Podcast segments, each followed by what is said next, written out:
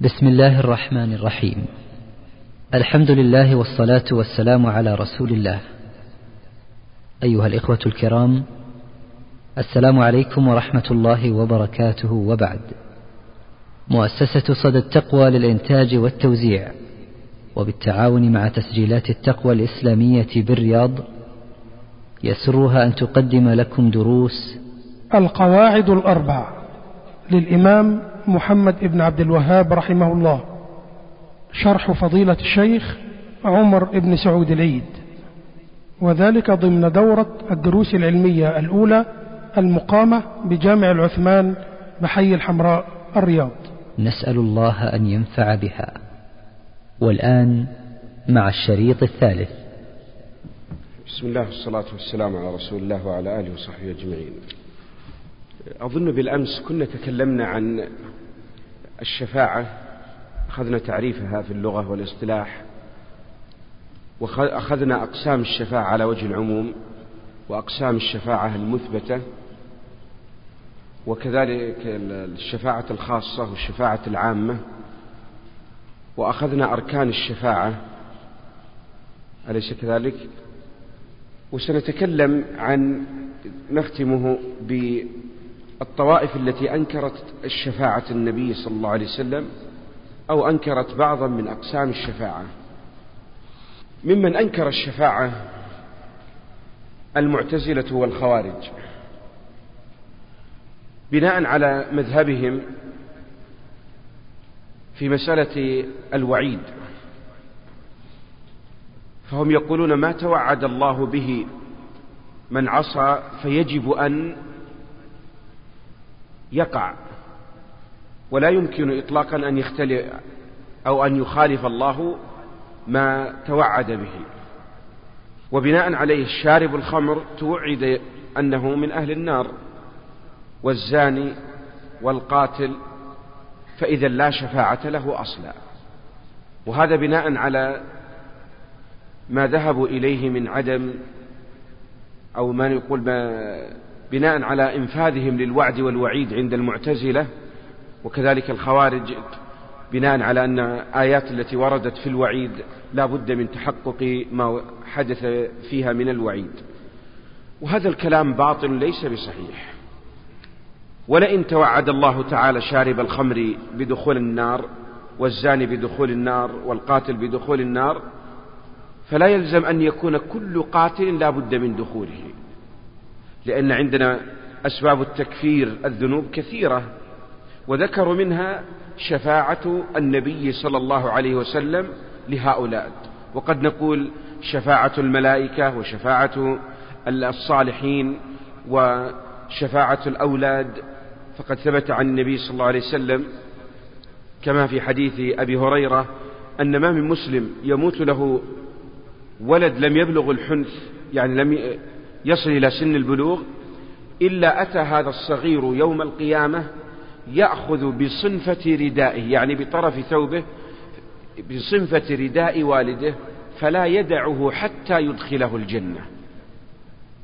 وتعلمون شفع القرآن القرآن يشفع لصاحبه فيقول أي رب إني منعته النوم بالليل والصيام يشفع لصاحبه فيقول يا رب منعته الطعام والشراب. والشفعاء الذين يأذن الله لهم تعالى في الشفاعة أنواع كثر. ونحن نثبت هذه الشفاعات على ضوء الكتاب والسنة. فمن ثبت أن هنالك له شفاعة أو أن يشفع فيه بعض من الخلق فنحن نثبته وليس عندنا تردد كالمعتزلة والخوارج. ذكرنا مسألة الشرك. بقسميه أو بثلاثة أقسامه. ويأتينا مسألة أيها الأحبة وهي حماية الشارع لباب الشرك. نسمي حماية الشارع للتوحيد بأن منع بعضا من وسائل الشرك التي تقع في الناس. الإسلام حرم الشرك الأكبر بجميع أقسامه من شرك الطاعة وشرك المحبة وشرك الإرادة. كل هذه أنواع من أنواع الشرك التي منع الإسلام منها كلية. وحرم كذلك الإسلام الشرك الأصغر من الشرك الخفي ومن الرياء. ومنع من الوسائل التي تفضي إلى الشرك. ومن هذه الوسائل التي تفضي إلى الشرك أليس منع النبي صلى الله عليه وسلم من تجسيس القبور ومن البناء عليها ومن الكتابة على القبور. لماذا منع الشارع منها؟ لأن الناس إذا فتح لهم شيء من الباب ستجد سبحان الله الناس يتطورون. ولعل من أمثلته يعني في واقعنا الآن ألسنا نشاهد بعضا من الناس الآن في المقابر يضعون علامات على القبور. والأصل فيها الجواز لأن النبي صلى الله عليه وسلم أمر الصحابة أن يضعوا على قبر عثمان بن مضعون رضي الله عنه وأرضاه علامة ليعرفه إذا أراد أن يزوره بين القبور كلها. هذا جاء الشرع به ولم يأتي أمر أو نهي لو لم يأتي نهي أن لا يوضع عليه إلا صفة معينة لأن عند العامة ورد في بعضها أن أي شيء كان بس يعني يسمى مسه النار فلا يوضع على القبر. يعني بمعنى لا تضع حديدة لا تضع إسمنت وخرسانات وغيره وهذا لا دليل عليه. لكن أتانا الآن بعض من الناس فأصبح يضع بوية على طرف القبر لأجل أن يعلمه. فبدأت البوية من جانب. القبر الذي بعده تجد بعد أسبوعين وثلاثة شخص يضع بوية من الجانب الأول والثاني. بناء على أنه يعلمه. وسبحان الله بعد فترة ستة أشهر وجد من بخ القبر كله ببخاخ. ولو ترك الناس على ما يهوون ستجد أن الناس يتطورون ينمو. ونهي عن الكتابة على القبور. والآن يوجد عندنا في المقابر يكتب على الجدار يضع سهم رقم أربعة. ثم يأتي بعد فترة رقم أربعة في تاريخ عشرين واحد العام. ثم تجد بعد فترة يكتب لك المرحوم عين سين كذا. ثم تجد بعد فترة الناس تتطور. ولهذا نجد أن الشارع منع من الوسائل التي تفضي إلى الشرك. كل ذلك إلى الشرك. كل ذلك حماية لأي شيء؟ للتوحيد. حتى لا يقع الناس في الشرك بجميع أو بأي نوع من أنواعه. ونعتبر هذا من رحمة الله تعالى أن سد علينا الطرق بكاملها. وينبغي المسلم أن يحتاط لعقيدته. فلا يزكي الإنسان نفسه بأنه قد بلغ رتبا لا يمكن أن يقع في الشرك أو أن يقع في وسائله المفضية إليه. هذا أردت أن أنبه عليه نظرا لأن الشارع منعنا منعنا من التبرك بالصالحين. ومنعنا من الحلف بغير الله تعالى لأنه وسيلة أو لأنه نوع من الشرك وهو شرك أصغر. ولهذا تجد الإنسان يحلف بالعظيم والنبي صلى الله عليه وسلم يقول لا تحلفوا بآبائكم ولا بأمهاتكم. من كان حالفا فليحلف بالله أو ليصمت. منعنا من التعليقات بجميع وسائلها. ولهذا تجد بعض الناس عندما يعلق شيئا على رقبته تجده يقاتل من أجله. وأعطي معنى لطيفا أيها الأحبة. نجد الآن بعض من السيارات. كمثال بسيط الديانات الآن. في جوانبها تجد خرق سوداء. أو على الصدام تحت خرق سوداء. وتجد في الليموزينات بعضها. هذه تمائم. يرى أنه إذا علقها لا يصدم. ولا يصاب بحادث. وهذه الخرق يقرأ فيها ما يسمى بالمولوي يعني أحد منهم فيعلقها والنبي صلى الله عليه وسلم يقول من تعلق بشيء وكل إليه والنبي يقول إن الرقى والتمائم والتولة شرك هذا نوع من الشرك. ويصبح قلب الإنسان بدلا من أن يكون معلقا بالله تعالى يكون معلقا بهذه. الشارع أمرنا حين نخرج من بيوتنا أن ندعو بدعاء الخروج. بسم الله. آمنت بالله توكلت على الله ولا حول ولا قوة إلا بالله. هذا ربط لك بالله تعالى ما نحتاج شيئا من الخرق تعلق ولا غيره. ثم يدعو الإنسان اللهم إني أعوذ بك أن أضل أو ضل أو أزل أو أزل أو أظلم أو أظلم أو أجهل أو يجهل علي. هذه نعتبرها من الحفظ الرباني بدلا من أن ينطلق الإنسان إلى مثل هذه الوسائل التي ربما تفضي إلى الشرك. منعنا من الصلاة في المقابر سدا للذرائع لئلا يقع الناس في الشرك. أذن بالصلاة على الجنازة لأن الجنازة جلها دعاء وليس فيها ركوع وسجود. أما صلاة نافذة أو أن إنسان فاتته الصلاة بعض من الناس قد تفوت الصلاة في الجوامع التي فيها الجنائز فيسرعون المقابر لإدراك الدفن. ثم تجده بعدها يصلون في المقبرة الصلاة التي قد فاتتهم. وهذه الصلاة باطلة لا تجوز إطلاقا. والأمثلة على هذا كثيرة من ما جاء أو ما جاء الشرع بالاحتياط به حتى لا يقع الناس في الشرك أو يتطورون. ونحن نعلم ما حدث من النهي عن التصوير في قوم نوح. صور لهم الشيطان تلك الصور لأجل إذا رأوهم تذكروهم. وسبحان الله أعطيكم مثال الآن. الآن لو طلعت علينا في المسجد أو في المحراب سورة الشيخ بن باز رحمه الله سورة الشيخ بن عثيمين رحمه الله سورة الشيخ ناصر الدين الألباني تجد الإنسان يقول سبحان الله هؤلاء علماؤنا وهؤلاء الذين يتأثر بهم وتجد الإنسان ينشط في طلب العلم وينشط في العبادة وغيره. فيقول بعض الناس هذه صور طيبة إذا رأيناها حصل لنا الخير. نحن لا نعبد هذه الصور ولا ندعوها من دون الله ولا نذبح لها ولا نتبرك بها إطلاقا مجرد تحريك ما في النفس من الأثر يعني من باب التنشيط على العبادة. بعد فترة ستجد الجيل الذي بعدنا يقول هم ما وضعوها إلا لأن فيها شيء. هل هو لمجرد الرؤية؟ ثم يأتي الجيل الذي بعده ثم بعد ذلك يصبحون يتوسلون يتبركون بها ثم جيلا بعده فيقع أن تعبد من دون الله تعالى. فإذا هذا الآن لماذا منع من التصوير؟ لأنه وسيلة إلى الشرك. فكل وسيلة يجب سد بابها حتى لا تفضي إلى أن يقع الإنسان في الشرك. نعم. بسم الله الرحمن الرحيم. الحمد لله رب العالمين والصلاة والسلام على رسول الله. وعلى آله وأصحابه أجمعين. اللهم اغفر لنا ولشيخنا وللحاضرين. برحمتك يا أرحم الراحمين.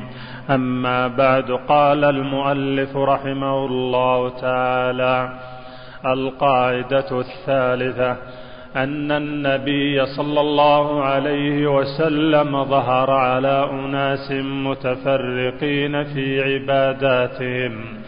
منهم من يعبد الملائكة ومنهم من يعبد الأنبياء والصالحين. ومنهم من يعبد الأشجار والأحجار ومنهم من يعبد الشمس والقمر. وقاتلهم رسول الله صلى الله عليه وسلم ولم يفرق بينهم. والدليل قوله تعالى وقاتلوهم حتى لا تكون فتنة ويكون الدين كله لله. ودليل الشمس والقمر قوله تعالى ومن آياته الليل والنهار والشمس والقمر. لا تسجدوا للشمس ولا للقمر واسجدوا لله الذي خلقهن إن كنتم إياه تعبدون. ودليل الملائكة قوله تعالى ولا يأمركم أن تتخذوا الملائكة والنبيين أربابا ودليل الأنبياء قوله تعالى وإذ قال الله يا عيسى ابن مريم أأنت قلت للناس اتخذوني وأمي إلهين من دون الله ودليل الصالحين قوله تعالى أولئك الذين يدعون يبتغون إلى ربهم الوسيلة أيهم أقرب ويرجون رحمته ويخافون عذابه ودليل الأشجار والأحجار قوله تعالى أفرأيتم اللات والعزى ومناة الثالثة الأخرى؟ وحديث أبي واقد الليثي رضي الله عنه قال خرجنا مع النبي صلى الله عليه وسلم إلى حنين ونحن حدثاء عهد بكفر. وللمشركين سدرة يعكفون عندها وينوطون بها أسلحتهم. يقال لها ذات أنواط.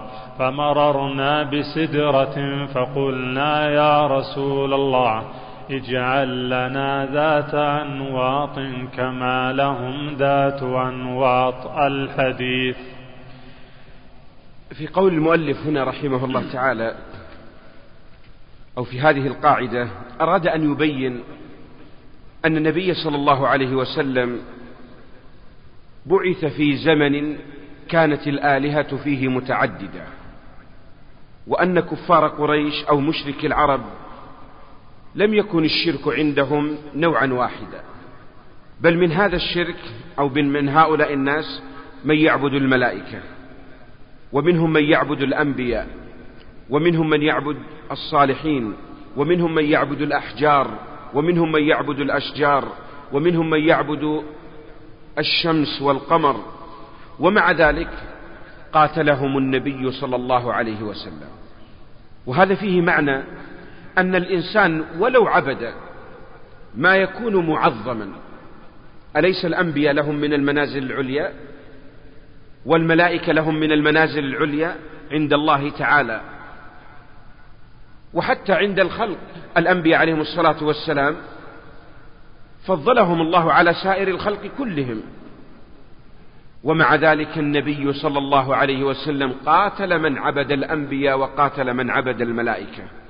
فضلا على من عبد الأشجار والأحجار والشمس والقمر. وهذه المعبودات هي درجات منها ما يكون كبيرا عظيما كالشمس والقمر. فهي من أعظم مخلوقات الله تعالى. ومنها ما لا يكون عظيما بل يكون حقيرا كمن عبد شجرة وحجرا. ولهذا ذكرت لكم أن كفار قريش كان في حول الكعبة ثلاثمائة وستين صنما وفي بيوتهم من الأصنام وفي أسواقهم من الأصنام. ويعجب الإنسان كيف تصل عقولهم إلى هذا المستوى أن يعبد الإنسان شجرا؟ أو حجرات ويظن بأن له نوع من التصريف والتأثير. وسبحان الله نجد هؤلاء المشركون جعلوا شيئا من خصائص التي تتعلق بالكعبة لآلهتهم. الآن عندنا أليست الكعبة تستر ولها أثواب؟ فجعلوا لأصنامهم أثوابا يسترون بها أليست الكعبة يطاف بها؟ فالمشركين جعلوا لأصنامهم الطواف فيطوفون بها. أليس الكعبة الناس يقدمون تجد بعض الناس يتقرب إلى الله تعالى عندها بأي شيء ما يذبح عندها من الهدي؟ وكان بعضهم في السابق الهدي يذبح ويلطخ به جدار الكعبة بناء على أن هذا تقربوا به إلى الله فذبحوا عند أصنامهم وعند قبورهم. ثم أليس الكعبة الناس يتبرعون لها؟ فتجد أقوام ينذرون لها وتجد أقوام يوقفون لها العطورات والأموال للصيانة ولغيره فجعلوا لآلهتهم كذلك. ولهذا قل أيها الأحبة احمدوا الله على ما أنتم فيه من نعمة التوحيد والإيمان. في غير هذا البلد نجد أن القبور يعجب الإنسان حين يمر عليها. نحن الآن إذا دخلنا القبور نتذكر الآخرة. وندعو للميت ما ندعوه. ندعو له هو المحتاج وليس نحن المحتاجين. ولهذا إذا زرنا قبر أبا بكر وعمر وعثمان وغيره من كبار الصحابة ما نقول مدد مدد يا سيدي وإنما نقول اللهم اغفر له وارحمه. ندعو له ولا ندعوه.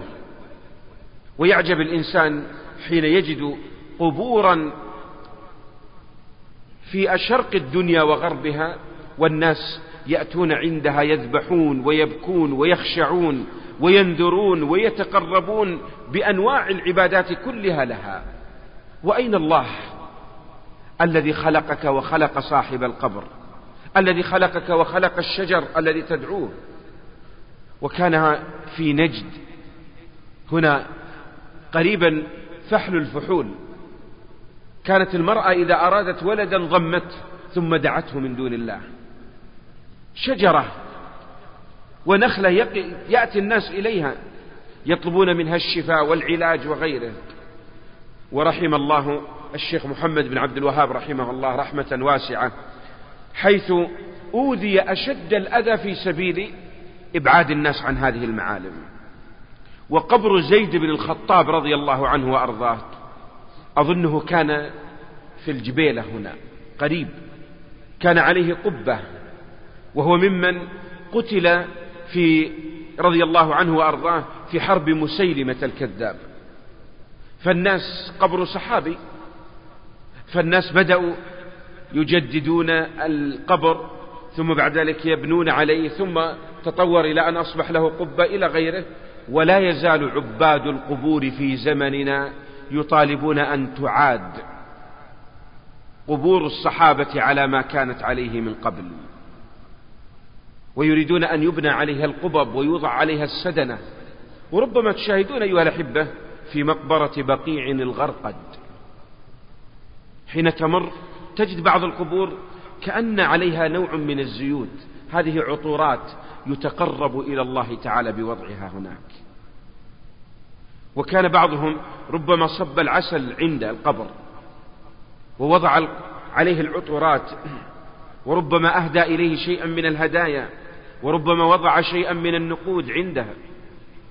وكان لصوص الجيوب يعشعشون حول هذه المقابر. يسمون مزورين وهم من التزوير أقرب من الزيارة. وكان بعضهم يحدثني أحد الأحبة يزور الناس عند قبر النبي صلى الله عليه وسلم فإذا دعا هنا ودعا هنا ودعا هنا فكان يقول لهم أليس عندكم شيء لرسول الله صلى الله عليه وسلم؟ فيعطونه الأموال الطائلة. يظنون بأنه يرسلها إلى محمد صلى الله عليه وسلم. والناس يدفعون أموالهم قربة لله تعالى يبتغون بها الأجر والثواب وهذا يأكلها لجيبه. وأذكر من المواقف كنا مرة في كينيا في تجول دعوي وفي أثناء المرور مررنا على مسجد وكان وقت صلاة قلنا نصلي. فقال معنا أحد الأحبة هذا المسجد عنده أو في داخله قبر. تصلون؟ قلت لا والله لا نصلي. ونزلنا لنسأل وإذا عنده سادن وهذه السدنة الأصل أنها للكعبة ولكن القبور يوجد عندها سدنة. ثم كان معي أحد الأحبة يترجم فقلت أريد أن أتحدث إلى هذا السادن سألته هذا قبر من؟ وكان هذا القبر لرجل من الهند. وكان هناك وضعت سكة قطار. فكان هذا العامل الهندي يساعد في بناء سكة القطار. وذكروا أنه من الصالحين. كان يحمل تراب على رأسه في المكتل أو الزنبيل. وكان لا يمسه. يعني في فجوة بينه وبين رأسه ويمشي. الزنبيل معه. كرامة يقولون. الله أعلم بهذه الكرامة. وجلس مدة من الزمن وهو يعمل. وسبحان الله لما بدأ القطار يشتغل وإذا هو مار في الطريق فدهسه القطار فمات فدفن في نفس الموضع الذي مات فيه. ثم بني عنده المسجد وبنيت قبة وقبر. والناس يفدون إليه من كل مكان. رأيت بعضا قدموا من بريطانيا ومعهم نساء سافرات وجاءوا لزيارة القبر. وإذا بهذا السادن عنده طقوس ما يدخل أحد القبر حتى يكون هيئته مناسبة. إذا كان عليه بنطال أو شورت يلبسها إزار. إذا كانت امرأة سافرة لشعرها يلبسها معطف لأن احترام القبر واحترام آه، موضع العبادة هنا. وكل هذا دجل. سألت السادن وإذا بعد أن تمتم عليهم عندهم صندوق عنده صندوق يأمر الناس بالتبرعات. فجلست أتفرج لتنتهي أمورهم. ثم قلت للسادن هذه الأموال تذهب لمن؟ أصاحب القبر يستفيد منها؟ بهت. أتخزنها لصاحب القبر أنت؟ أيشتري وراءها أراض أو ممتلكات صاحب القبر؟ فقلت له عجبا للناس كيف يدفعون لك الأموال؟ والميت ما يستفيد؟ قال أنا لا أدري. أنا أجلس هنا فما إن يذهب الناس أفتح الخزنة وأضعها في جيبي. وهنا نجد العجب وخطر الشرك الغريب. ونعجب أيها الأحبة كيف تصل عقولنا إلى هذا المستوى؟ عندنا قبر الحسين ابن علي بن أبي طالب رضي الله عنه وأرضاه.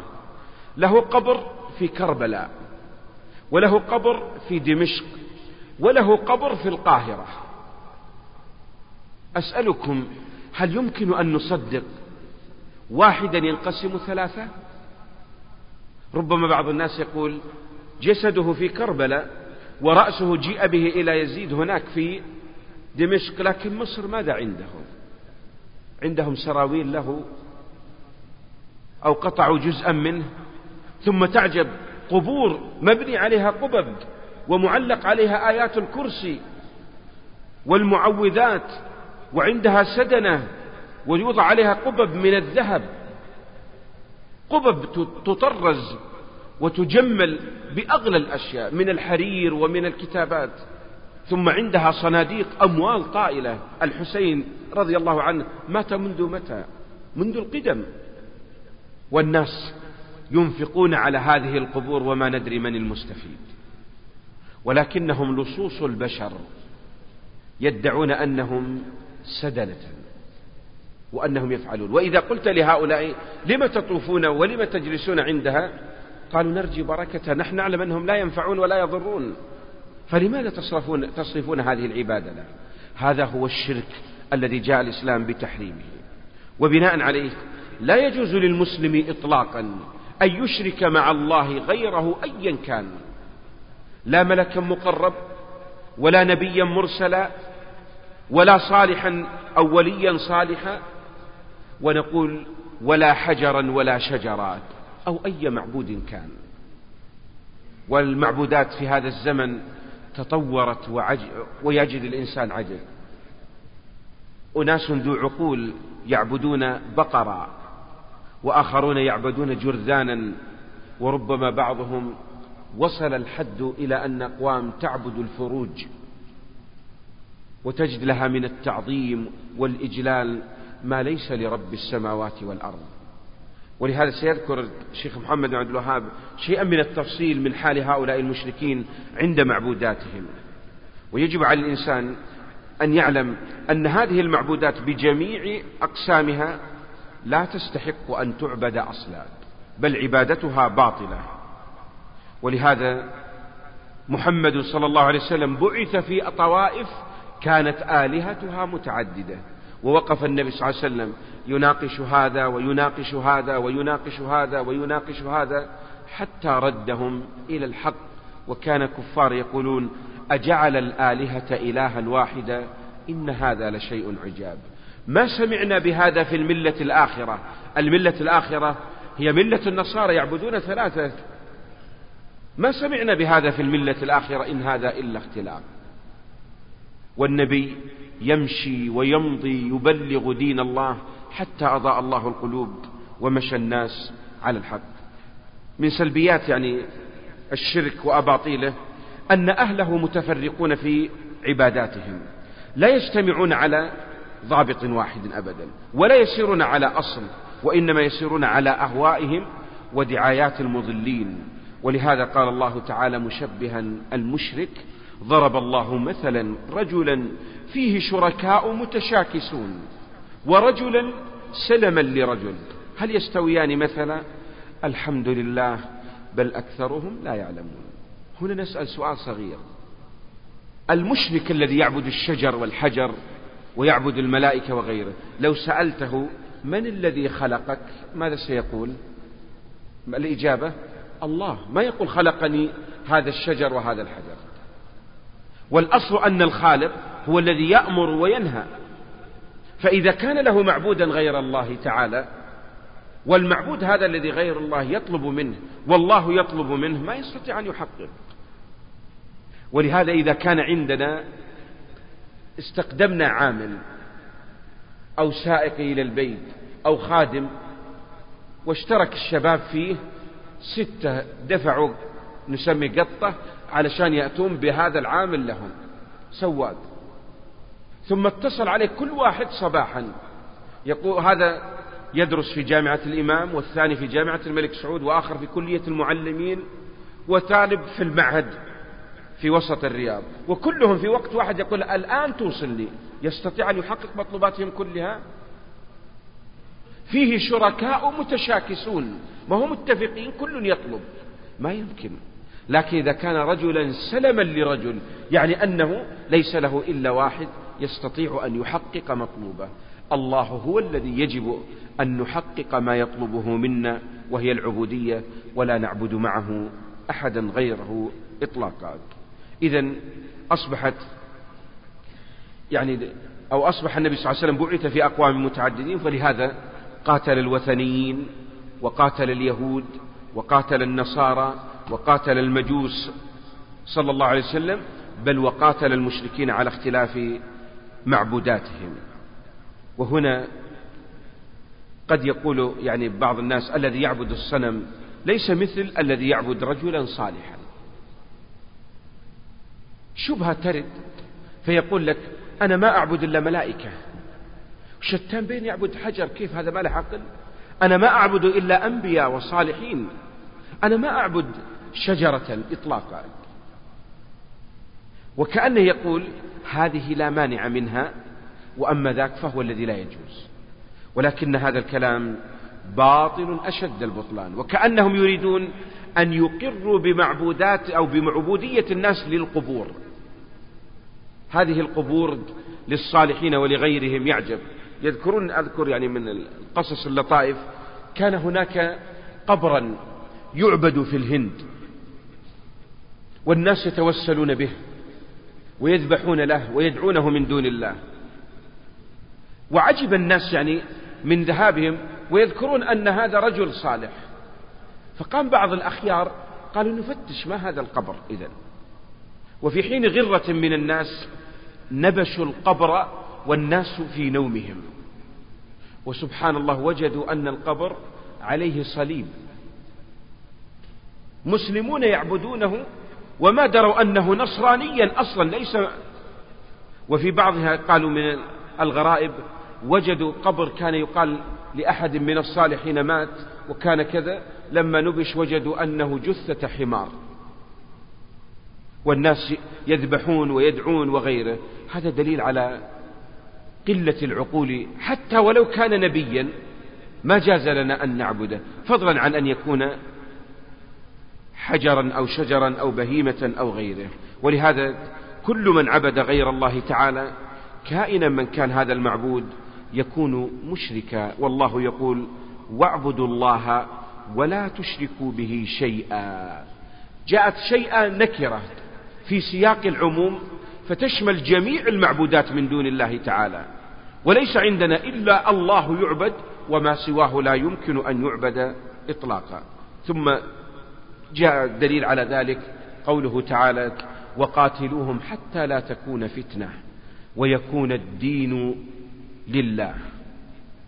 الفتنة هنا هي الشرك وأمرنا أن نقاتل المشركين جميعا. فالمشرك ما يقبل منه الجزية إطلاقا ولهذا النبي صلى الله عليه وسلم ما قبل من مشرك العرب الجزية وإنما قبل الجزية من اليهود والنصارى وكذلك المجوس. من عداهم فليس إلا السيف أو الإسلام. وهذا المعلم ليس موجودا عندنا الآن. وكأن الناس يراد أن يلغى هذا المعلم وهو معلم الجهاد الذي كان عز الإسلام وقوته به. وما ضعفت أمة الإسلام إلا لما تخلت عن الجهاد في سبيل الله تعالى. ولهذا قال الله لترهبوا به عدو الله. لترهبوا. والآن المسلمون ليس لهم رهبة ولا خوف. واقعهم سلط الكفار على المسلمين. ليس غزو السلاح وإنما غزو الأفكار. فانطلقت هذه القنوات تعشعش في كل مكان. وما من بيت سلم منها. بالأمس كان علماؤنا يحذروننا من السفر إلى بلاد الكفر. الآن أصبحت بلاد الكفر في داخل بيوتنا. نشاهد خمرهم وزمرهم وفجورهم وخناهم ونشاهد عريهم وتبرجهم ونشاهد ضلالهم وانحرافهم وما بقي شيء نقول لا نشاهده. لماذا قال النبي صلى الله عليه وسلم؟ لا تراءى ناراهما أنا بريء ممن بات بين ظهراني المشركين والإنسان إذا كثر إمساسه بالشيء قل إحساسه. نحن في زمن ضعف الإحساس عندنا في كثير ولا يزال الناس الإحساس يموت عندهم إلا من أحيا الله في قلبه الإيمان والصلاح والتقوى فأصبح يميز بين الحق والباطل. هذا القتال شرع لأي شيء. الآن عندنا ليس يقولون أن أهل الإسلام دمويون ولا يعيشون إلا على القتل. هذا الكلام ليس بصحيح. الله يقول وقاتلوهم حتى لا تكون فتنة ويكون الدين لله. القتال إنما شرع ليكون الدين لله تعالى. ليس المقصود هو قتل الكافر أبدا. إنما المقصود أن يسلم الكافر. ولماذا جاء الجهاد؟ لأن أقواما وقفوا في وجه الإسلام ألا ينتشر. فيستأصل من يقف حتى يصل الخير إلى الغير ويصل إلى الناس جميعا. والدليل على أن الإسلام لا يريد قتل الكافر لذاته أصلا. ما ثبت في الصحيح. وحين جاءت في قول الله تعالى ولا تقولوا لمن ألقى إليكم السلام لست مؤمنا. تبتغون عرض الدنيا. في حديث أسامة بن زيد رضي الله عنه وأرضاه كان في سرية وإذا بهم هو مع اثنين من الصحابة لحقوا مشرك لأجل قتله. فالمشرك فر منهم ثم لاذ بأصل شجرة يعني اختبأ من ورائها أو صعد عليها ولما قرب المسلمون منه أسامة ومن معه قال أشهد أن لا إله إلا الله وأن محمد رسول الله. فالذين مع أسامة رجعوا. وأسامة انطلق ليقتله. فقالوا له كيف تقتله يا أسامة؟ قال والله ما قالها إلا خوفا من بارقة السيف. لما رأى أن السيف على رقبته قالها وإلا ليس صحيح. لماذا لم يقلها قبل القتال؟ وإنما هو كذاب. فقتله أسامة. أخبر النبي صلى الله عليه وسلم. تمعر وجه النبي صلى الله عليه وسلم وغضب عليه غضبا شديدا. ثم قال له أقتلته بعد أن قال لا إله إلا الله؟ قال يا رسول الله والله ما قالها إلا تعوذا. يعني خائف من من السيف. قال له الرسول أشققت عن قلبه؟ كيف بك إذا جاءت لا إله إلا الله؟ تحاجك يوم القيامة. قال أسامة رضي الله عنه تمنيت أني ما أسلمت إلا هذه اللحظة من شدة غضب النبي صلى الله عليه وسلم علي إذا الإسلام هل هو يريد قتل الكفار؟ لا. وإنما يريد هداية الكفار. وسبحان الله كلام جميل لابن القيم يقول رحمه الله إن قتل الكافر وهو على كفره هذا رحمة من الله له. لأنه لو عاش لازداد كفر وطغيان وكلما ازداد الإنسان طغيان وكفر ازدادت عقوبته. فيصبح كأن قتله تخفيف عليه من عقوبة الله تعالى. ولهذا جاءت الآية وقاتلوهم حتى لا تكون فتنة. يعني حتى لا يكون شرك ويكون الدين لله. ثم ذكر الأدلة على بطلان جميع الآلهة بأنواعها والذكر هنا للتمثيل لا للحصر لأن المعبودات كثيرة. جاء بقضية الشمس والقمر وهي أكبر المخلوقات. وترتيب المؤلف رحمه الله تعالى ترتيب جميل. جاء بأكبر المخلوقات الشمس والقمر وأن الشمس والقمر لا تستحق أن تعبد إطلاقا. ولهذا قال الله تعالى ومن آياته الليل والنهار والشمس والقمر. ثم جاءت لا تسجدوا للشمس ولا للقمر. السجود أليس عبادة؟ فلا يجوز صرفه لغير الله تعالى. واسجدوا لله الذي خلقهن.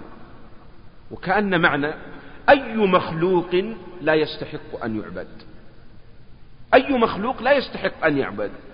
والوجود ليس فيه إلا خالق ومخلوق فالخالق هو الذي يعبد والمخلوق لا يعبد أيا كان هذا المخلوق. ثم جاء بقضية الملائكة والملائكة مخلوقات عظام. وقد ثبت في سنن أبي داود عن النبي صلى الله عليه وسلم أنه قال أذن لي أن أحدثكم عن ملك من حملة العرش ما بين شحمة أذنه إلى عاتقه مسيرة سبعمائة عام. هذا ملك. والله يؤيد المؤمنين بالملائكة. وهذا من نصر الله تعالى لأوليائه. إذ يوحي ربك إلى الملائكة أني معكم. فثبتوا الذين آمنوا. سألقي في قلوب الذين كفروا الرعب. فاضربوا فوق الأعناق واضربوا منهم كل بنان. هذا الملك العظيم جدا لا يستحق أن يكون معبودا مع هذا الخلق العظيم جدا. بل إن الملائكة إذا سمعت كلام الله تعالى أخذت السماوات منه رجفة وصعقت الملائكة خوفا من الله تعالى. فيكون أول من يفيق جبريل ثم تفيق الملائكة. فتسأل الملائكة جبريل ماذا قال ربنا؟ فيقول قال الحق وهو العلي سبحانه وتعالى. الملائكة تخاف من الله. ولهذا يؤتى يوم القيامة أهؤلاء إياكم كانوا يعبدون؟ قالوا سبحانك أنت ولينا من دونهم بل كانوا يعبدون الجن أكثرهم بهم. لم يكونوا يعبدون الملائكة. والله يقول ولا يأمركم أن تتخذوا الملائكة والنبيين أربابا. يعني لا يجوز لنا أن نتخذ الملائكة والنبيين آلهة يعبدون. فلا تستحق أن تكون معبودة. ثم جاء بالأنبياء عليهم الصلاة والسلام وهم خيار الخلق. أفضل الخلق هم الأنبياء. وإذا جئنا بالتسلسل في قضايا التفضيل فنقول أفضل الخلق على الإطلاق محمد صلى الله عليه وسلم. ثم يعني بالنسبة للبشر محمد صلى الله عليه وسلم ثم إبراهيم عليه الصلاة والسلام الخليلان ثم أولو العزم من الرسل الخمسة نوح وإبراهيم وموسى وعيسى ومحمد هؤلاء هم أولو العزم. ثم بعد ذلك يأتي الرسل عليهم الصلاة والسلام ثم الأنبياء ثم الأتقياء ثم المؤمنون ثم المسلمون. تدرج ومع هذا أعلاهم الأنبياء عليهم الصلاة والسلام والرسل ومع ذلك لا يستحقون أن يعبدوا أصلا. والله بين ذلك في عيسى وعيسى عليه الصلاة والسلام ميز على الأنبياء والرسل بمزايا حيث خلقه الله تعالى من غير أب وآتاه الله من الآيات والمعجزات. ولم يذكر كما سيذكر في حديث الشفاعة ما ذكر ذنبا ولا قال إني فعلت وفعلت. كموسى وكذلك إبراهيم عليه الصلاة والسلام ذكر كذباته ونوح سأل ما ليس له بعلم أما عيسى فما قال شيء قال اذهبوا إلى عبد قد غفر الله له ما تقدم من ذنبه عيسى عليه الصلاة والسلام الناس يعبدونه الآن النصارى من دون الله تعالى ويطلبون منه كشف الضر وجلب النفع والشفاء وغيره وأذكر موقفا يعني من اللطائف كنا يوما في أمريكا وزرنا جامعة تنصيرية ضخمة جدا من أكبر الجامعات في أمريكا. ومن يدرس فيها بعد تخرجه يلزم أظنه ثلاث سنوات ينطلق للعمل في التنصير.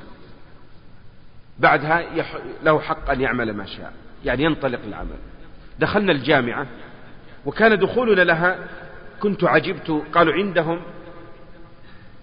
لا أدري يعني متحفا لسفينة نوح عليه الصلاة والسلام.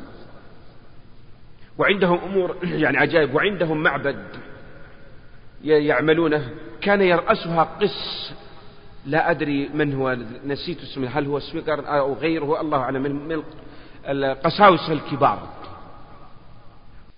وهو بنى وعنده جامعة أو كلية طبية ضخمة جدا. بناها من ثلاثين دور. ثم نادى أعلن برنامج في التلفزيون في أمريكا وقال إن عيسى يعني ما استطاع أن يكمل نفقته. لما أول ما طلع مرض أظنه الهربس.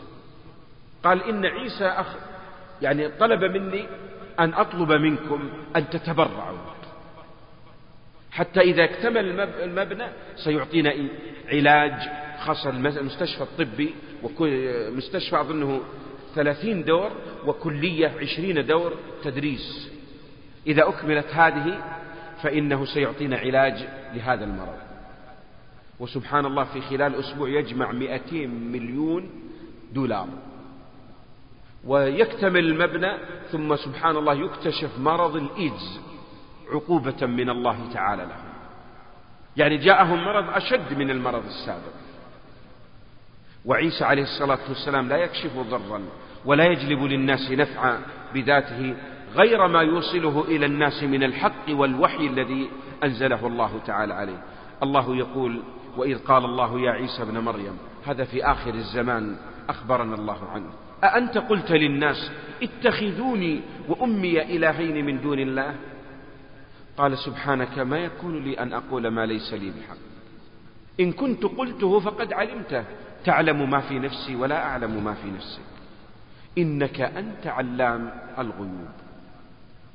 سبحان الله الذي يعلم كل شيء فلا تخفى عليه خافية. فإذا كان عيسى لا يعبد ولا يجوز عبادته والله أب بل عيسى تبرأ ممن عبده. وكأن هذه الآية ترد على النصارى في زمننا الآن. ترد على النصارى في زمننا الآن. عيسى سيتبرأ منكم. فمن أخذته مستندا لك تبرأ منك فلماذا تستند عليه؟ ولماذا تعتمد عليه وهو سيتبرأ منك؟ وهذا الحكم ليس في عيسى وحده حتى في محمد صلى الله عليه وسلم. ولهذا نبينا صلى الله عليه وسلم كان من دعائه اللهم لا تجعل قبري وثنا يعبد. يدعو النبي ألا يجعل قبره وثنا يعبد. فأجاب الله دعاء نبيه صلى الله عليه وسلم فقبره لا يطاف به ولا يذبح عنده ولا ينذر إليه إلى غير هذا من رحمة الله. ونجد يعني قبل هذه الدولة السعودية الأخيرة كان قبر النبي صلى الله عليه وسلم مفتوح من الجوانب كلها. وكان الناس يفيدون فيطوفون به طوافا. وتجدون أيها الأحبة هذه الأيام إذا فتحت الروضة للنساء في الصباح تجدون النساء اللاتي تعودن على الطواف على القبور والتوسل والذبح لها والنذر يزغردن كأنهن يحيين محمد صلى الله عليه وسلم بأعلى أصواتهن.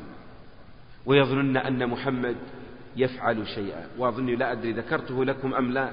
أقوام يفدون من مناطق بعيدة. وكنت عجبت يوما كنت تحت أستار الكعبة في حجر إسماعيل ما يسمى بالحجر. وإذا بي أصلي فوجدت شخصا يدخل يده ولما ذهب سحبت الستارة فسقطت أوراق فلما فتحتها وإذا بها رسائل هذه جاءت من بلد كذا ومن بلد كذا ومن بلد كذا يا رب فلانة تسلم عليك وتطلب كذا وفلان يطلب منك يا رب كذا وسبحان الله الذي يقول وإذا سألك عبادي عني فإني قريب ما نحتاج أن نصل إلى الكعبة. ما نحتاج أن نصل إلى الكعبة. وما أجمل كلام مالك الإمام مالك رحمه الله لما رأى الناس يتوجهون إلى قبر النبي صلى الله عليه وسلم يأتون إليه دائما. قال لهم والله ما أنتم والذي بالصين إلا كرجل واحد. جعل الله لمحمد صلى الله عليه وسلم ملائكة تبلغه الصلاة والسلام عليه في كل مكان. فما نحتاج لهذا الغلو. وتجدون قبر النبي صلى الله عليه وسلم أليس عليه حدائد ومخرقة تجد بعض من الناس من العجب تؤتى رسائل ويعطى ووصايا تفد من كل مكان ثم تجد الشخص يأتي إلى هذه قبر النبي صلى الله عليه وسلم فيلتفت يمنة ويسرى إذا حانت منه غفلة من الشرط أخذ ورقة صغيرة وقذفها في الداخل خرج من المسجد مسرورا وصلت رسالته إلى محمد صلى الله عليه وسلم. ثم تجد الأحبة إذا فتحوا تجد أن فلانة يا رسول الله تسلم عليك وفلان يسلم عليك ونحن من بلد كذا نحن نطلب منك. وعجب كأنها معاريض تقدم إلى محمد ومحمد صلى الله عليه وسلم يرد على تلك. نسينا أن محمدا صلى الله عليه وسلم لا يعلم الغيب. وأن محمد قد قال الله فيه إنك ميت وإنهم ميتون. وقد قال هو ذكره الله تعالى قل لو كنت أعلم الغيب لاستكثرت من الخير وما مسني السوء. محمد أليس في غزوة أحد صلى الله عليه وسلم؟ يسقط في الحفرة وتنشب حلقتي المغفر في وجنتيه ويشج في رأسه وهو أفضل الخلق. هل استطاع أن يدفع عنه شيء؟ محمد يمرض وينام ويقول إنما أنا بشر مثلكم أنسى كما تنسون. قل إنما أنا بشر مثلكم يوحى إلي. ومع ذلك الناس يغلون فيه غلوا يرفعونه عن هذه المنزلة التي جعله الله تعالى فيها. ولهذا جاءت في يعني محمد عبده ورسوله. يعني العبد هو المملوك. من الذي ملكه هو الله؟ فما يستطيع التصريف لنفسه فضلا عن أن يصرف غيره. ولهذا أعلنها النبي صلى الله عليه وسلم صريحة للملأ كلهم. يا فاطمة بنت رسول الله سليني من مال ما شئت لا أغني عنك من الله شيئا. يا صفية عمة رسول الله سليني من مال ما شئت لا أغني عنك من الله شيئا. يا عباس عم رسول الله سلني من مال ما شئت. أعطيك من مال وأرض وما أملك ممكن لكني لا أغني عنك من الله شيئا. يعلنها محمد صلى الله عليه وسلم مما يدل على أن محمد لا يتصرف بأمره وإنما الأمر لله وحده لا شريك له فيصبح الناس يتعلقون بالله ما يتعلقون بأحد من الخلق. ثم نجد كذلك الصالحون عندنا الله فضلهم وميزهم على الخلق. وتجد أن الصالح لا شك أنه أقرب الناس إلى الله تعالى والله يحب الصالحين. والله قد يعطي بعضا من الصالحين شيئا من الكرامات ويعطيهم بعض من الخصائص. قد يجيب الله دعاءهم قد يدعون الله تعالى بشيء فيحقق الله مرادهم فتجد أن الناس ينطلقون إليهم. نحمد الله تعالى أن هذه الأمور ليست عندنا. في غير في غير بلادنا تجد أن العالم وربما نقول أن الولي إذا جلس يمد يده. وقدمه فالناس تقبل اليد والقدم. وإذا منع الناس منهم يقول هذا الولي ما نقول الصالح بل الطالح دعوه يتبرك دعوه يستشفي وكأنه تصدر منه فيوضات يوزعها على الناس. وكنت عجبت يوما من مشرك في هذا الزمن اقشعر جلدي لما سمعت كلامه. كنت في إحدى البلدان يوما وكان حارسا يسمون العسس يحرسون الإسكانات وغيره. وسألته يا فلان كيف حالك ووضعك؟ فأصبح يعني بيني وبينه محاورة. قلت له لماذا أنت لا تحرص على الصلاة؟ ولماذا أنت يعني لا تحرص على طاعة الله؟ أجده مفرط.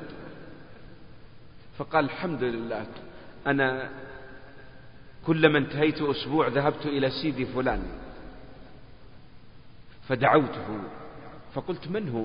قال شخص ميت. قلت ما ينفعك ولا يضرك. قال كيف؟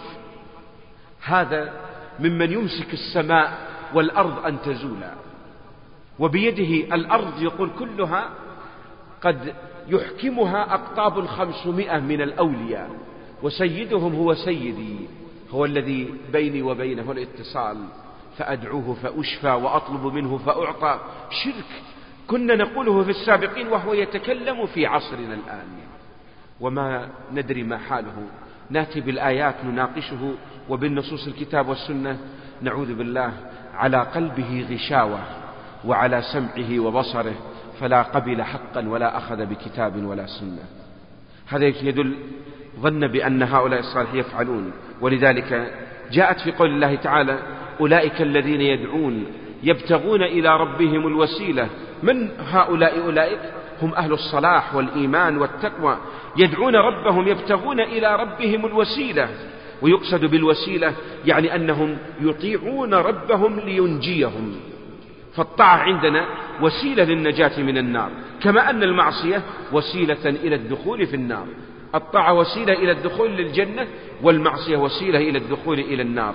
والله بين أن هؤلاء يعبدون ربهم ويتسابقون في طاعته. أيهم أقرب؟ أهل الخير والإيمان بينهم تسابق عجيب في طاعة الله تعالى. ولذلك قال يرجون رحمته ويخافون عذابه. كلما ازداد الإنسان صلاحا وإيمانا وتقوى فإنه يرجو رحمة الله ويخاف عذابه.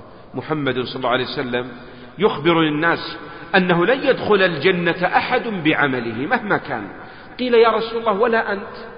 أليس محمد أعظم الصالحين جميعا؟ قال ولا أنا إلا أن يتداركني الله بفضل منه ورحمة. وفي قضية التنافس نحتاج أيها الأحبة أن نحيي في قلوبنا التنافس في طاعة الله تعالى. نحن في زمن تنا... الأسبوع الماضي الناس يتنافسون على الدرجات. ويا ليتنا نتنافس على الصالحات كتنافسنا على الدرجات في الامتحانات. وشتان بين تنافسنا وتنافس من سبق. الله يقول وفي ذلك فليتنافس المتنافسون. إن التنافس الحقيقي هو في الصعود في الجنات والرقي ليس التنافس في الإخلاد إلى الأرض والبقاء فيها. وتذكر لنا كتب السير قصة من اللطائف والعجائب في ذلك. كان اثنين من السلف وهذا موجود في أبي بكر وعمر. هم من أكثر الناس إيمانا وصلاحا وتقوى. وكان بينهم تنافس عجيب بين أبي بكر وبين عمر. ليس في دينار ودرهم وإنما في طاعة الله ومحبة الله ورسوله صلى الله عليه وسلم والخدمة والتفاني. يقول عمر رضي الله عنه وفي يوم من الأيام يقول ما حاولت أن أسابق أبا بكر إلا قد سبقني ما أستطيع أن أسبقه. يقول وفي يوم من الأيام جاءني مال عظيم عنده تجارة ومال عظيم فقولوا زورت في نفسي قائلا الآن أسبق أبا بكر وجئت بمالي في صرة كبيرة ثم نثرتها بين يدي الرسول صلى الله عليه وسلم ورسول الله رآها ووجهه يتهلهل فرحا بهذا المال الذي أنفق في سبيل الله فقال الرسول صلى الله عليه وسلم ماذا تركت لأولادك؟ قال يا رسول الله قسمت مالي نصفين فادخرت نصفه لي ولأولادي وهذا اصرفه حيث شئت يا رسول الله. ماذا كانت النتيجة؟ يقول جلست مسرورا أنتظر بأنني السابق. وما هي إلا لحظات وإذا بأبي بكر يأتي بمال عظيم فيضعه بين يدي الرسول صلى الله عليه وسلم وسأل النبي أبا بكر وهو يعلم عن حاله يا أبا بكر ماذا تركت لأولادك؟ فمال هذا كثير. قال تركت لهم الله ورسوله. يعني أنه قدم ماله كله تنافس في أي شيء في الطاعات والأعمال الصالحات. وتذكر من القصص في, من في سلفنا ومن سبق قصة عجيبة لطيفة. كان اثنين متآخيين في الله. وكان أحدهما إذا علم أن أخاه تصدق بدرهم ذاك تصدق بدرهمين. علم أن أخاه صلى خمس عشر ركعات هذا زاد. علم أن أخاه دعا انطلق يدعو وهكذا في الأعمال الصالحات. علم أن أخاه أدرك تكبيرة الإحرام ذاك يسارع أكثر منه. وسبحان الله يخرجان للجهاد في سبيل الله. فيقتل أحدهما ويؤسر الآخر عند مشرك. يعني أن المشرك ربط هذا المسلم. وبعد انتهاء المعركة إذا بالمشرك يقول عجبت. لكم أيها المسلمون. قال ومما تعجب؟ قال عجبت رجل أطعنه بحربتي وأقتله وهو ينادي بأعلى صوته فزت ورب الكعبة. أي فوز؟ وهو يفارق الحياة. أغلى ما يملك الإنسان حياته وهذا ينادي بأعلى صوت فزت ورب الكعبة. كيف يكون هذا؟ هذا يدل على أنكم أيها أهل الإيمان لستم أصحاب عقول بل مجانين. فقال المأسور صف لي هذا الرجل الذي قتلته من؟ فوصفه أخذ يذكر طوله وعرضه ولباسه وإذا بالمأسور يبكي بكاء شديدا. فقال له الكافر هذا الذي قتلت أهو قريب لك عم خال أب؟ قال لا. عنده مال لك ضاع أو ذهب حقوق؟ قال لا. قال طيب لماذا تبكي عليه؟ يعني ما السبب في البكاء؟ يعني ما الذي يجعلك تبكي؟ قال هذا كنت أنا وإياه نتأخى. يعني بيننا إيش؟ أعمال صالحة نتنافس عليها. صلاة وصيام وصدقة وقراءة وذكر وغيره. والآن سبقني إلى الجنة وجلست عندك الآن. انظر الآن الفوز. كل منهما يندم. هذا التسابق. والآن جلست عندك مأسورا. أخي الآن في جنة عرضها السماوات والأرض. وأنا جلست مأسورا في هذه الحياة الدنيا بين يدي. فكانت سببا لإسلام الكافر.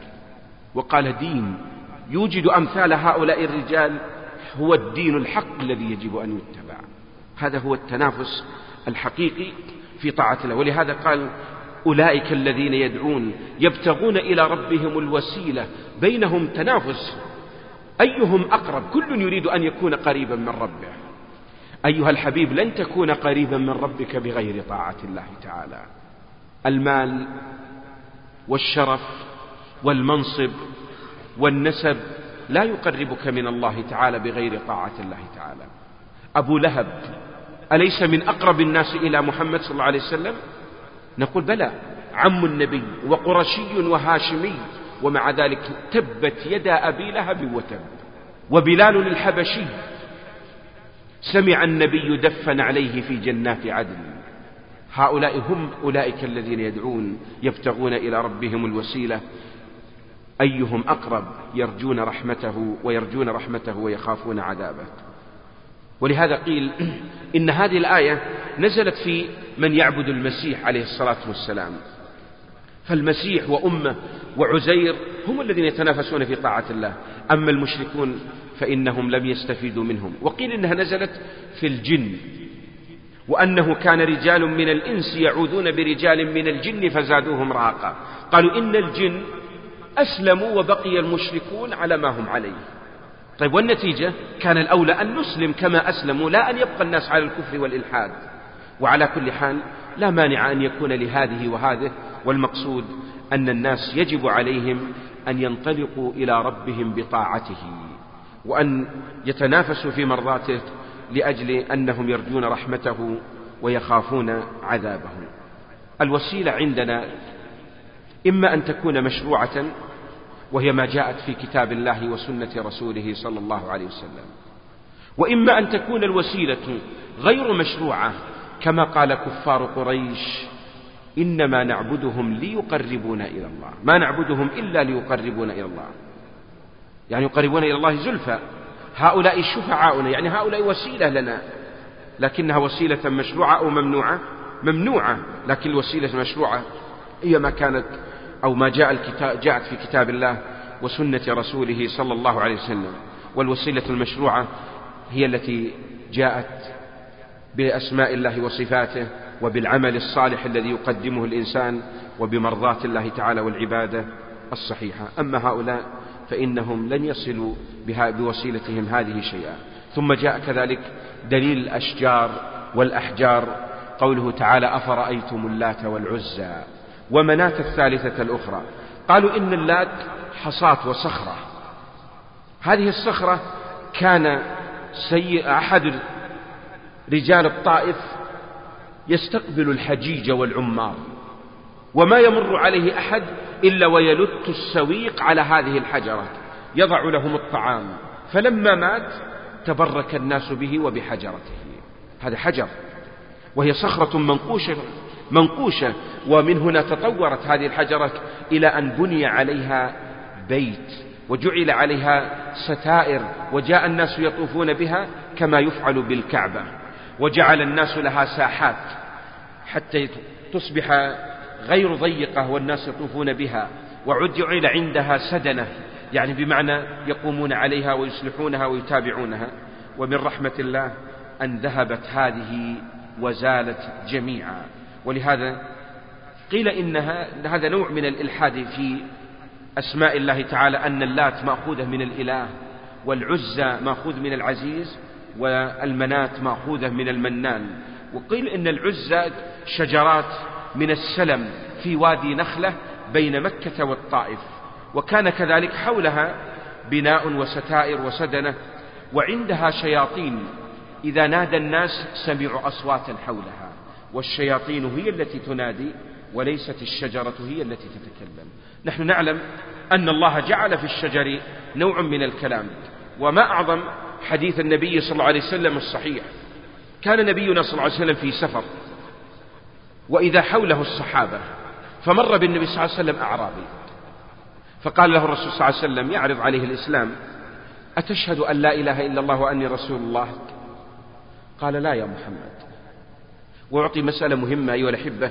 يا ليتنا إذا سافرنا في أثناء المرور نحمل معنا كتيبا وشريطا ونصل إلى صاحب الزمر والطرب بنصيحة من القلب قد يفتح الله عليه. محمد صلى الله عليه وسلم في السفر ما ترك دعوته. كان يسأل هل أنت مسلم أم لا. فقال له النبي صلى الله عليه وسلم لماذا لا تشهد أن لا إله إلا الله وأني رسول الله؟ فقال الأعرابي وهو عاقل يا محمد من يدريني أنك رسول الله؟ أنت تقوله لكن ما البينة على أنك الرسول محمد صلى الله عليه وسلم ما قال صحابة الذين حولي يشهدون لي لأنه لو قال قال هؤلاء أتباعك ولا يمكن أن أصدقهم. فالتفت النبي صلى الله عليه وسلم وهو في سفره وإذا شجرة سلم شجر من أشجار البر. قال الرسول إذا شهدت هذه الشجرة أني رسول الله تشهد أنت؟ قال ما عندي مانع. فنادى النبي للشجرة أن تعالي. قال جابر راوي الحديث فخرجت بعروقها. شجرة تمشي وتخط الأرض فوقفت بين الرسول والصحابة. وهذا الأعرابي والصحابة جلوس. فلما وقفت سألها الرسول قائلا من أنا؟ قالت أنت رسول الله. الأعرابي يسمع والرسول يسمع والصحابة يسمعون ويكرر النبي ثلاث مرار وهي لا تزيد أن تقول أنت رسول الله أنت رسول الله. ثم يقول لها النبي ارجعي مكانك. فتمشي وحدها وتعود إلى موضعها دون سقي ولا حفر ولا مزارع. من الذي جعل لها هذه القدرة؟ إنه الله. نحن نؤمن أن الشجر يجعل الله فيه كلاما لكن هذه الشجرات ليس عندها إلا الشياطين لأنها تريد أن تضل الناس. ولهذا أمر النبي صلى الله عليه وسلم بقطعها واجتثاثها. ومنات كذلك هو مكان يقع قريبا من جبل قديد بين مكة والمدينة. كان هذا الصنم لخزاعة والأوس والخزرج. كل قبيلة لها صنم خاصا بها ويعبدونها من دون الله تعالى. أبطلها الله تعالى. أفرأيتم اللات والعزى ومناة الثالثة الأخرى. ألكم الذكر وله الأنثى؟ تلك إذا قسمة ضيزى ثم تأتي إن هي إلا أسماء سميتموها أنتم وآباؤكم. ما أنزل الله بها من سلطان. يعني أن هذه الآلهة ليس عليها دليل ولا برهان حتى يمكن أن تعبد من دون الله تعالى. ولهذا النبي صلى الله عليه وسلم قضى على هذه الآلهة كلها. اللات أرسل النبي صلى الله عليه وسلم إليها المغيرة بن شعبة وأبا سفيان بن حرب وانطلقوا إليها فهدموها بأمر الرسول. وأرسل النبي صلى الله عليه وسلم إلى العزى خالد بن الوليد فهدمها وقطع الأشجار وقتل الجنية التي كانت تخاطب الناس فيها وكان حولها امرأة تبكي عندها وتذبح وقتلت. وأما المنات فأرسل إليها علي بن أبي طالب رضي الله عنه ومعه بعض الصحابة فهدموها ومحوها ومحت معالم الشرك كلية. ودل على أن هذه هي أكبر أصنام التي كانت عند العرب يعبدونها من دون الله تعالى محيت من الوجود كلية. هل دفعت عن نفسها؟ ما دفعت إطلاقا. هل نفعت أهلها دنيا وآخرة؟ ما نفعت أبدا. بل كانوا بسببها إلى النار إن ماتوا على ما هم عليه. والحكم لكل إله يعبد من دون الله تعالى. في حديث أبي واقد الليثي رضي الله عنه وأرضاه يعطينا أن الإنسان قد يتأثر بالشرك وقد يجد في قلبه شيء من الحنين إلى الماضي الذي هو عليه. وقد يكون كذلك أيها الأحبة أن الإنسان يتأثر بما يحيط به. الآن تشاهدون أيها الأحبة في مكة لا في المدينة تجد بعض المواطن يذهب إليها المبتدعة. فتجد مثلا المكتبة التي عند الحرم يدعي الصوفية بأنها هي الموضع الذي ولد فيه محمد صلى الله عليه وسلم. تأتي إليه فتجد عجبا. أقوام خشع يبكون يتمسحون بجدرانها وببابها. مربض الناقة التي ربضت لما جاء النبي صلى الله عليه وسلم إلى المدينة. أليست بركة؟ وكان الصحابة لما قدم النبي صلى الله عليه وسلم إلى المدينة كان الصحابة كل خرج بقبائل النبي صلى الله عليه وسلم يمر على أهل المدينة قبيلة قبيلة وكل يأخذ بخطام ناقة النبي صلى الله عليه وسلم. فيقول يا رسول الله انزل عندنا حيث المنعة والرجال والمال ونفتيك بأرواحنا. والنبي ما يقول لهم ولا يحزن قلوبهم إلا حين يقول دعوها فإنها مأمورة. أنا لا أقف معها بإذني أنا وإنما الله هو الذي يسيرها. دعوها. فاطمأنت نفوس الناس أن محمدا صلى الله عليه وسلم لا يحابي أحدا ولا يريد أن يقدم ناسا على ناس وإنما الله هو الذي أمرها. لما بركت الناقة كان بعض الصحابة بيوتهم أمام هذا الموضع فجعلوا ينخسونها لعلها أن تقوم فتتقدم إلى ديارهم. هذا يسمى مبرك الناقة.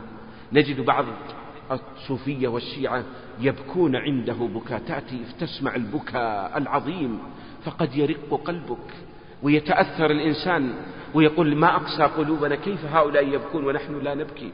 كيف هؤلاء يتأثرون ونحن لا نتأثر؟ لكن الله قد قال لنا وجوه يومئذ خاشعة عاملة ناصبة تصلى نارا حامية. فليس العبرة بكثرة الخشوع ولا البكاء والتعب وإنما العبرة بموافقة السنة واتباع هدي النبي صلى الله عليه وسلم. هذا يقول الصحابة رضي الله عنهم خرجنا مع النبي صلى الله عليه وسلم إلى حنين ونحن حدثاء عهد بكفر. هؤلاء مسلمة الفتح أسلموا مع النبي صلى الله عليه وسلم ولم يتمكن الإيمان في قلوبهم فمروا في الطريق رضي الله عنهم وأرضاهم. وكان ذلك بعد عام الفتح سنة ثمان من الهجرة. وإذا بهم يجدون مشركين لهم سدرة شجرة من السدر. يعلقون السلاح عليه يظنون بأنه إذا علق السلاح عليه يكون أمضى ولا يهزمون وتحدث لهم بركات لأنهم يعتقدون أن هذه الشجرة لها نوع من التأثير.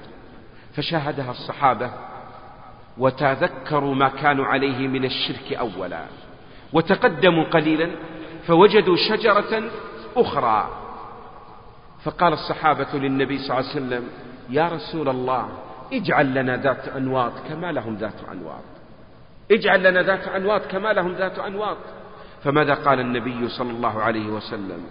قال الله أكبر إنها السنن. لتتبعن سنن من كان قبلكم حذو القدة بالقدة.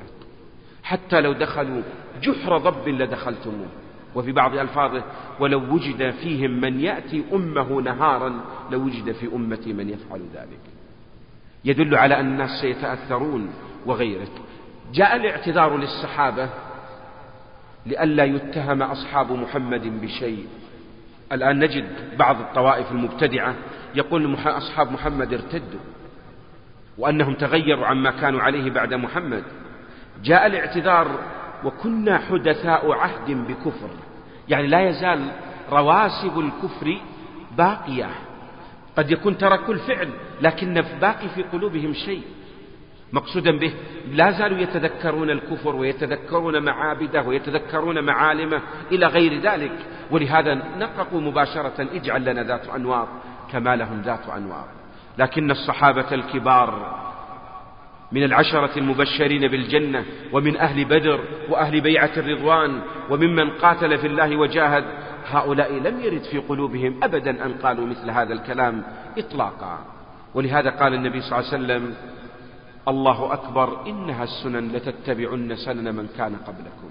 نحن في هذا الزمن أصبح الناس يقتدون ويقلدون اليهود والنصارى تقليدا عجيبا.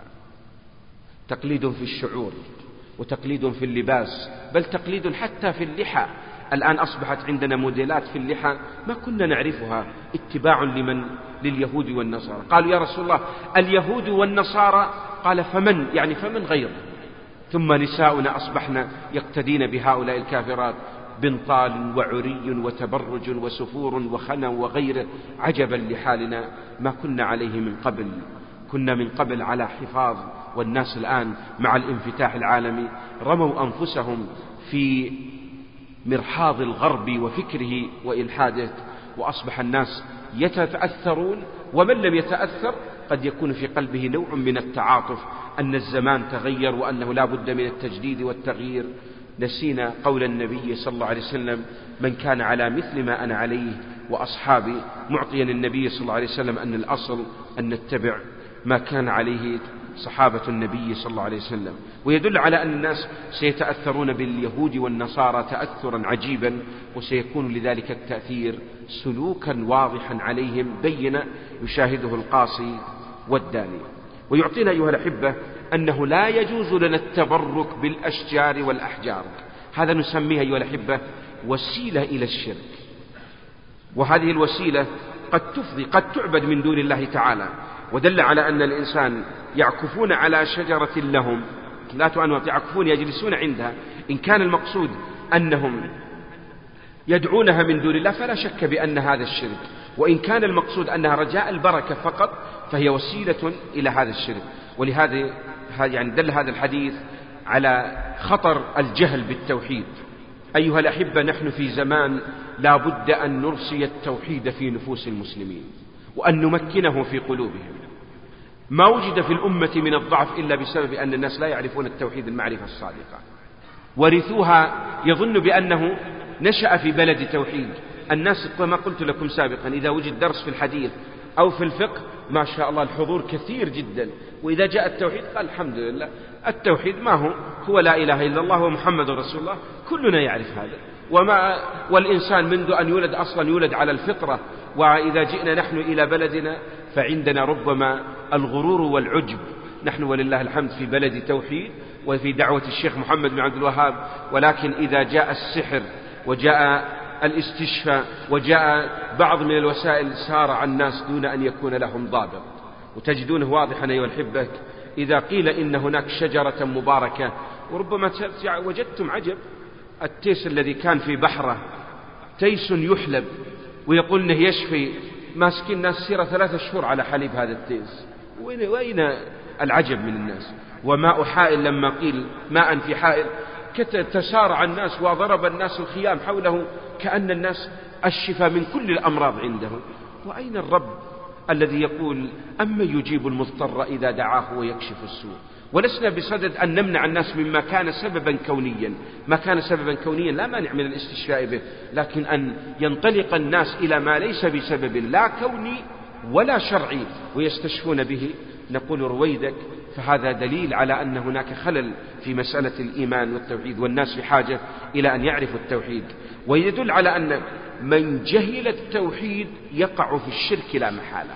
ولماذا الناس الآن تتسارع القبور؟ ويتسارع التوسل بها وينطلق الناس إلى تجسيس القبور والكتابة عليها وغيره. ربما ما سلمت إلا هذه البلاد فقط وإلا فإن بلدان العالم الإسلامي جلها إذا زرت مقابرها وجدت ارتفاعها على متر ومتر ونصف ويكتب اسم الرجل وتاريخ وفاته وعمله إلى غيره كحال الكفار لا فرق بينهم وكحال المشركين. وهذا في أكثر بلدان العالم الإسلامي.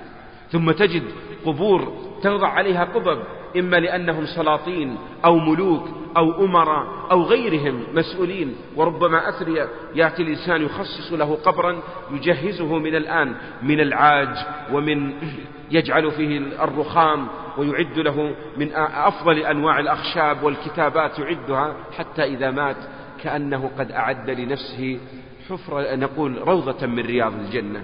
وما ندري ربما يكون هذا القبر نعوذ بالله حفرة من حفر النار. ثم يعطينا مسألة أخرى في الحديث خطر التشبه بالمشركين وأن التشبه بالمشركين قد يكون تشبها بهم حتى في الكفر. وأعطي مثال صغير جدا. أيها الأحبة الآن نجد الذين يعيشون في بلاد الغرب. في عيد الكريسماس تجدون أيها الأحبة بابا نويل يعلق عند البيوت أو يؤتى به. ثم توضع الشجر المضاءة. ثم على البيوت.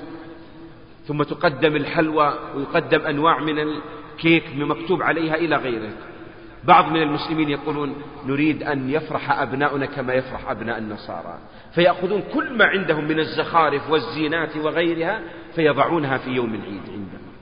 فنقول هذا نوع من التشبه بهم. نحن نعلم أن الله قد جعل في ديننا فسحة ما في مانع. لكن لا نأخذ ما كانوا يعملونه ثم نطبقه. وأخطر التشبه أن نتشبه بهم في مسائل الشرك. والنبي صلى الله عليه وسلم يقول من تشبه بقوم فهو منهم. أي نوع من التشبه؟ تشبهت باللباس أو بالقصات أو بالأكل أو بالطعام أو بغيره من الأنواع؟ هذا دليل على أن في قلبك نوع من المحبة لهم. ويعطينا كذلك أن التبرك بالأشجار والأحجاز الفائدة الثالثة شرك وإن سمي بغير اسمه لأن طلب البركة من غير الله تعالى من القبور والأضرحة هذا يسمى شرك. ومثل التبرك بالصالحين بعض من الناس نعوذ بالله تجد عندهم يسمون أئمة وأولياء وأقطاب وأوتاد الله أعلم بأوتاد بأي شيء. تجد إذا أكل تمر وأن رمى النواة تسابق الناس يبتلعونه يرجون بركته. تجد أنه إذا عرق الشيخ يتبركون به يقبلون يده وقدمه يبصق في الطعام فيتسارع الناس له. نعجب من حال الناس بهذا.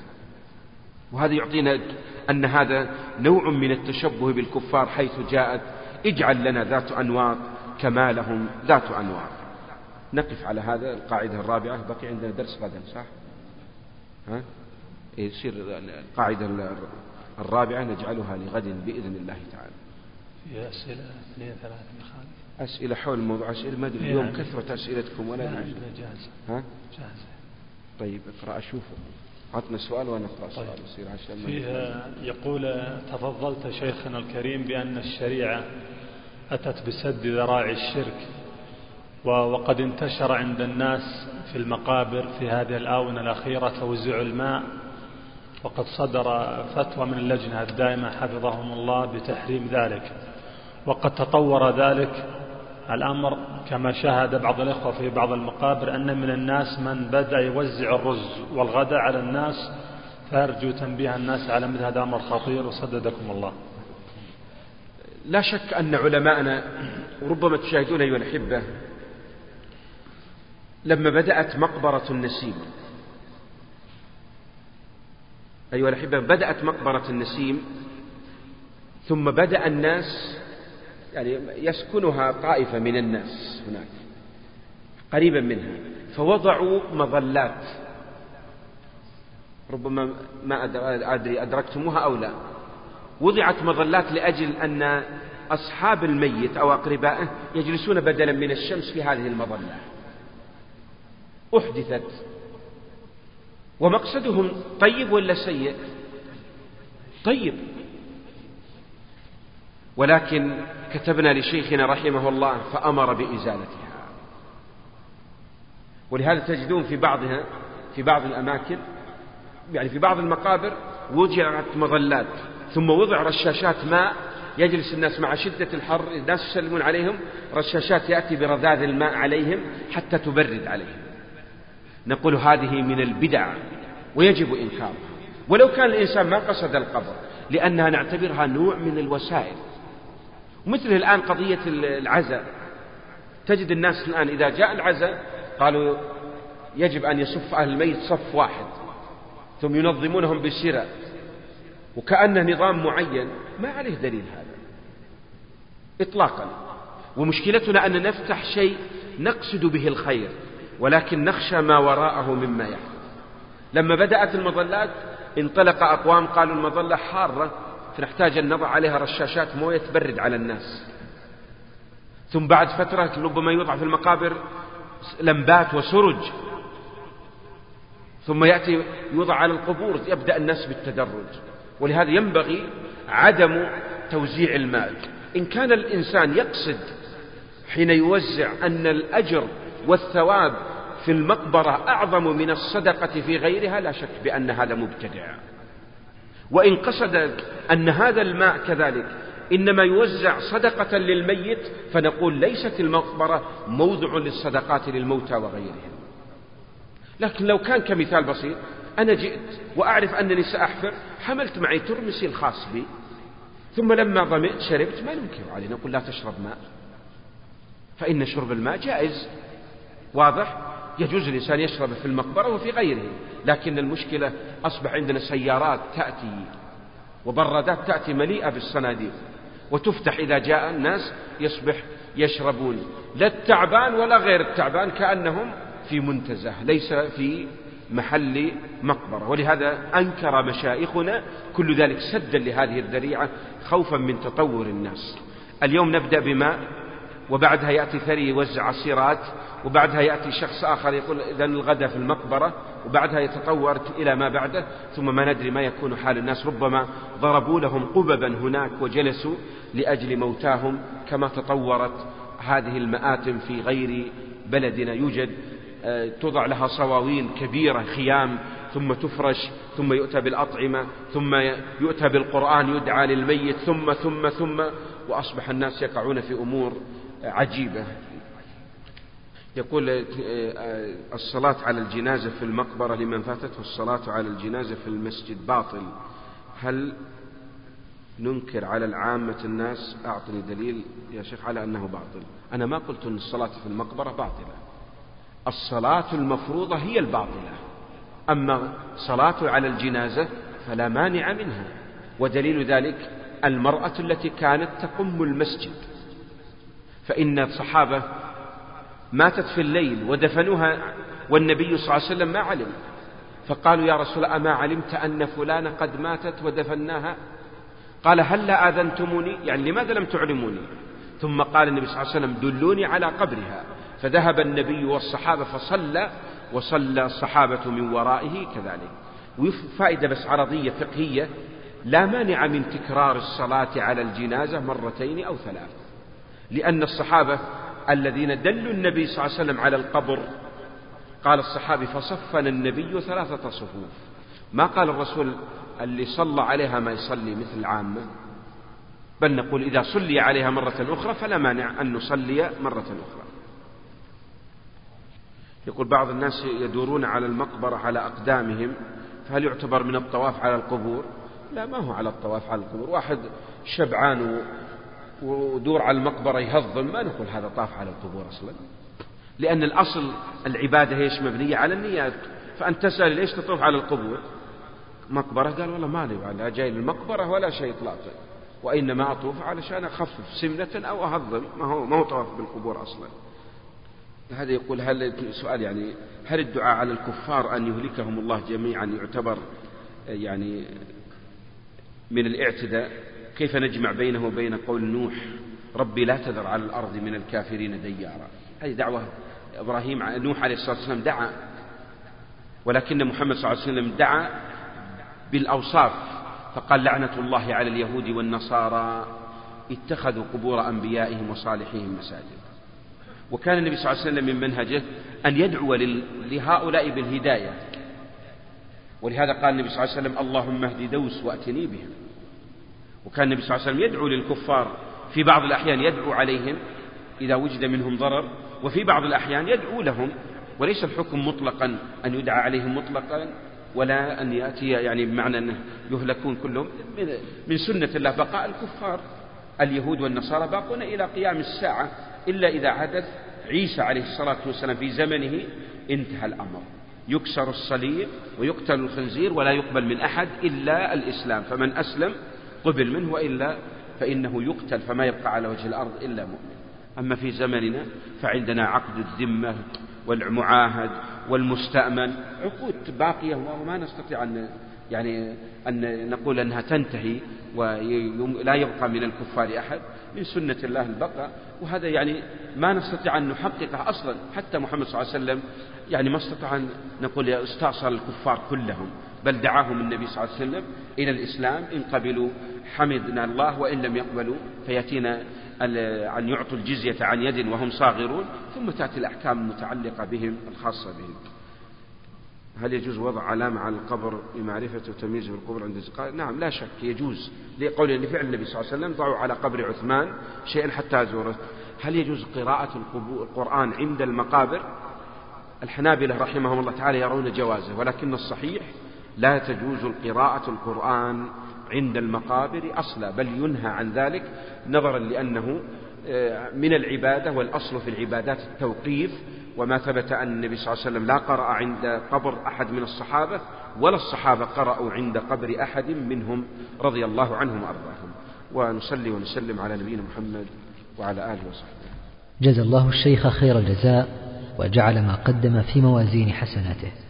وتقبلوا تحيات إخوانكم في صدى التقوى للإنتاج والتوزيع وبالتعاون مع تسجيلات التقوى الإسلامية بالرياض. والسلام عليكم ورحمة الله وبركاته. بموجب فهرس تسجيلات التقوى فإن رقم هذا الشريط هو أربعة عشر ألفا وثلاثة وستون.